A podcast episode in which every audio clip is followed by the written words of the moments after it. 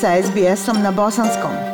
Pronađite još sjajnih priča na sbs.com.au kosacrta bosnijan.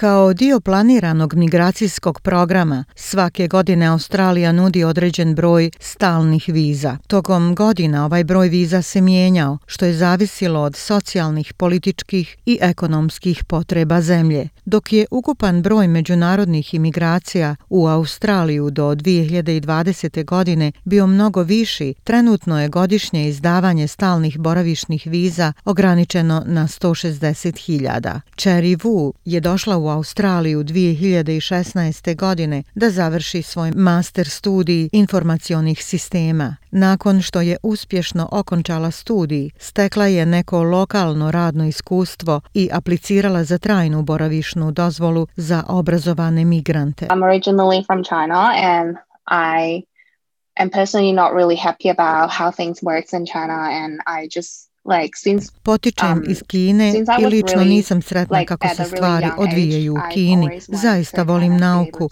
i još od svojih mlađih godina od uvijek sam željela da dođem živjeti u demokratiji. Tako, kad sam razmišljala u kojoj zemlji da tražim svoje dalje obrazovanje, razmatrala sam zemlje koje bi mi mogle omogućiti put da steknem stalni boravak pod klase viza za obrazovane useljenike 189 i 491 zasnivaju se na sistemu bodovanja. Svaka od ovih viza zahtjeva minimalno 65 bodova koji se zasnivaju na različitim faktorima kao što su godine podnosioca vize, radno iskustvo, poznavanje engleskog jezika, kvalifikacije partnera i tako dalje. Alex Petrakos, glavni agent za migracije pri organizaciji Peak Migration, kaže da su podklasa 189 i viza 190 stalne boravišne vize i one su visoko konkurentne.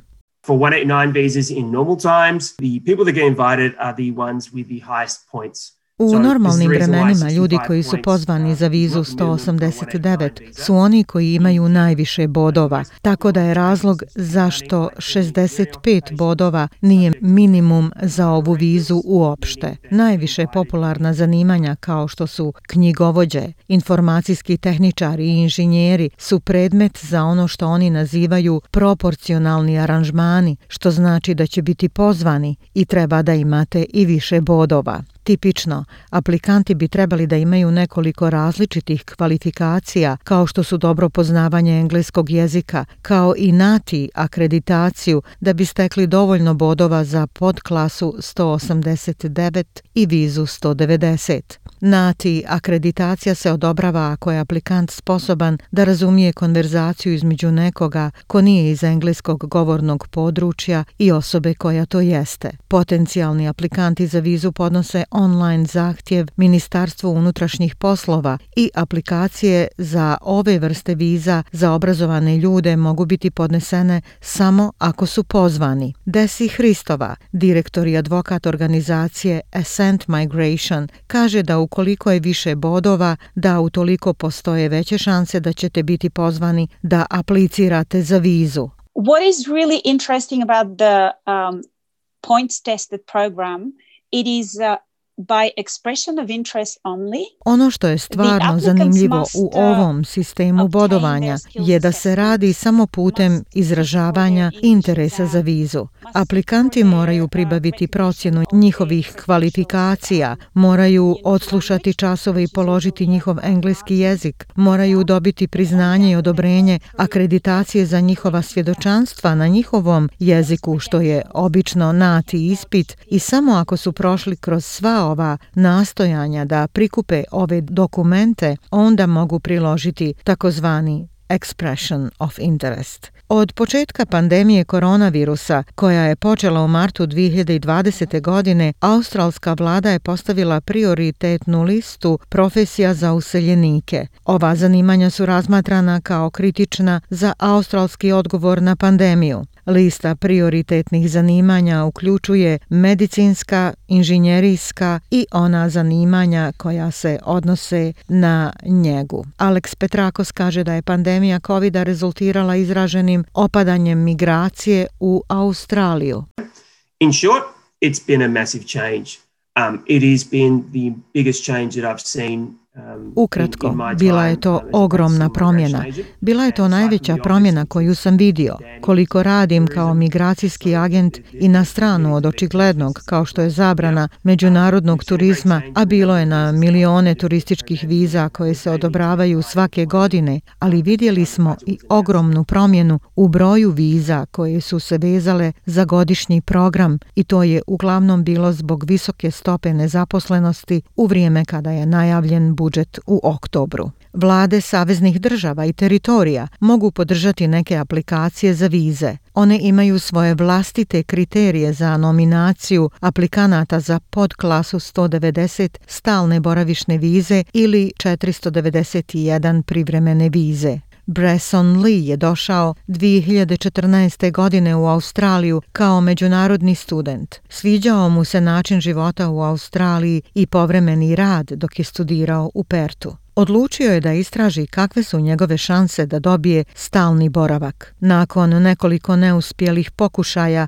on kaže da se preselio u Viktoriju i nominirao za podklasu vize 190. Pokušavao sam godinu i po dana da dobijem vizu 189, međutim pravila su se mnogo promijenila za ovo vrijeme, tako da nisam dobio poziv za vizu 189. Razgovarao sam s prijateljima, a neki od njih su sa vladom Viktorije mogli da apliciraju za vizu 190, tako da sam pomislio da i ja to pokušam. Desi Hristova kaže da aplikant mora da zadovolji kriterije Savezne vlade za dobijanje nominacije, koja također doprinosi potpunom zbiru bodova aplikanta za vizu. The federal government has given limited spots uh, to each uh, state and territory. Savezna vlada je dala ograničen broj svakoj pojedinoj državi i teritoriji za program migracije u ovoj fiskalnoj godini. Posljedično, države moraju same pronaći svoj put selekcije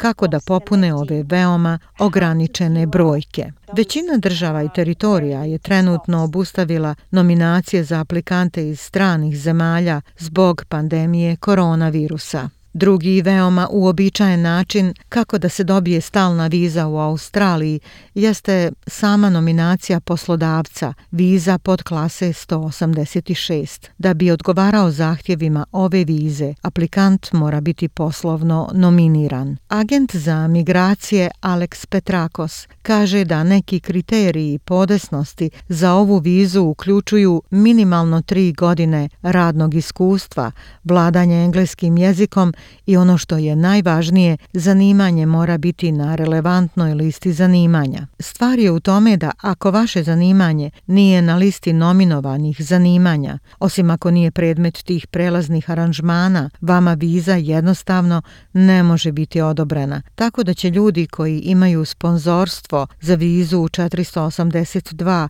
pod uslovima kratkoročne liste zanimanja i oni ne mogu da idu nigdje samo zato što njihovo zanimanje zanimanje nije na listi. Izuzetak za to zaobilazno rješenje je samo u slučaju ako je njihov poslodavac u regionalnom području i zato što onda mogu gledati na drugačije vize kao što je na primjer viza 494. Generalno, aplikanti za trajne boravišne vize, da li na bazi obrazovanja ili sponzorstva od strane poslodavca, moraju biti mlađi od 45 godina u vrijeme podnošenja zahtjeva za vizu. U useljeničkom programu za tekuću godinu broj partner viza se gotovo udvostručio. Također su i vize za posebna zanimanja i u programima globalnog talenta u porastu ali mjesta za podklasu 189 i vizu 190 su smanjena. Australija također nudi preko stotinu različitih privremenih viza. Među njima je najpopularnija privremena diplomska viza pod klase 485, viza za radni odmor i pod klase turističkih i studentskih viza. Oni koji imaju privremene vize ne ulaze u australski godišnji migracijski program, ali u posljednje dvije dekade veoma brzo raste broj privremenih migracija u Australiju. Nije nikakva tajna da je useljenički program krajnje politički. Tu je da odgovori potrebama australske zajednice. Predmet je dinamičkih promjena i pokušava da reflektira na kom nivou se nalazi država, šta je potrebno australskom tržištu u vrijeme kad priprema budžet i broj podnosilaca zahtjeva za vizu, zaključuje migracijski agent Petrakos. Više informacija o vizama za posebna zanimanja možete pronaći na internetskoj stranici Ministarstva unutrašnjih poslova